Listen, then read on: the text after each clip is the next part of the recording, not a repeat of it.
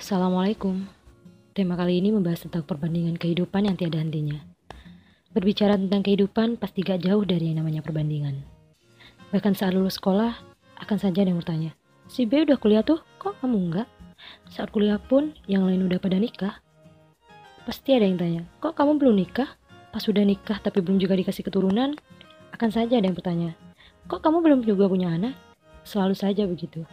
Menjengkelkan bukan? Jika ditarik ulur ke belakang, pertanyaan seperti itu adalah hal yang lumrah, atau bahkan dianggap biasa. Namun pada dasarnya, itu semua bisa menyakitkan. Kemungkinan membuat mental down, kepercayaan diri berkurang, atau bahkan cenderung pada antisosial. Banyak sekali contoh di sekitar kita. Seperti halnya ketika seseorang sudah bekerja, yang ditanyakan pasti gak jauh tentang gajinya berapa. Emangnya kalau udah ada jawaban, terus kita bakalan dikasih juga gitu? Atau semisalnya ada yang bilang, boleh juga tuh kerja di tempatmu, gajinya besar daripada di tempatku.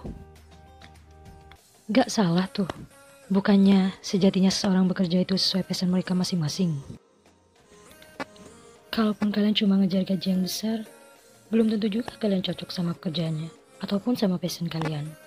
Dan lagi pula, yang menjamin rezeki itu bukan tempat kerjamu, bukan bosmu, atau bahkan atasanmu. Karena apa? Karena mereka semua hanya perantara yang Allah Subhanahu wa taala atur buat kita. Memanglah boleh untuk membandingkan, tapi ingat, bukan untuk melihat siapa yang lebih unggul ataupun merasa rendah. Karena jika kita melihat dari kacamata yang lebih unggul, kita akan selalu merasa unggul dan selalu merendahkan yang rendah. Begitupun juga sebaliknya. Ketika kita melihat dari kacamata yang rendah, bukan berarti kita rendah dan tidak bisa unggul.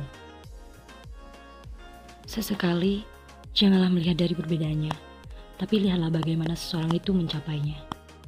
Dan cukup jadilah seseorang yang tidak selalu unggul atau merasa rendah. Ambil sewajarnya saja, dan jangan lupa juga untuk memanusiakan manusia.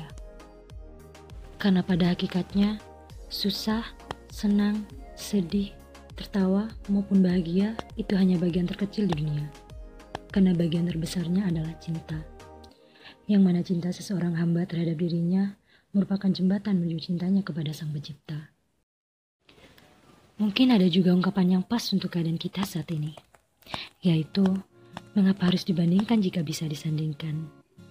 Karena dengan saling berbagi kebaikan, kita juga dapat mengatasi segala permasalahan. Mungkin hanya itu saja yang dapat saya sampaikan. Bila ada salah kata, mohon maafkan. Wassalamualaikum.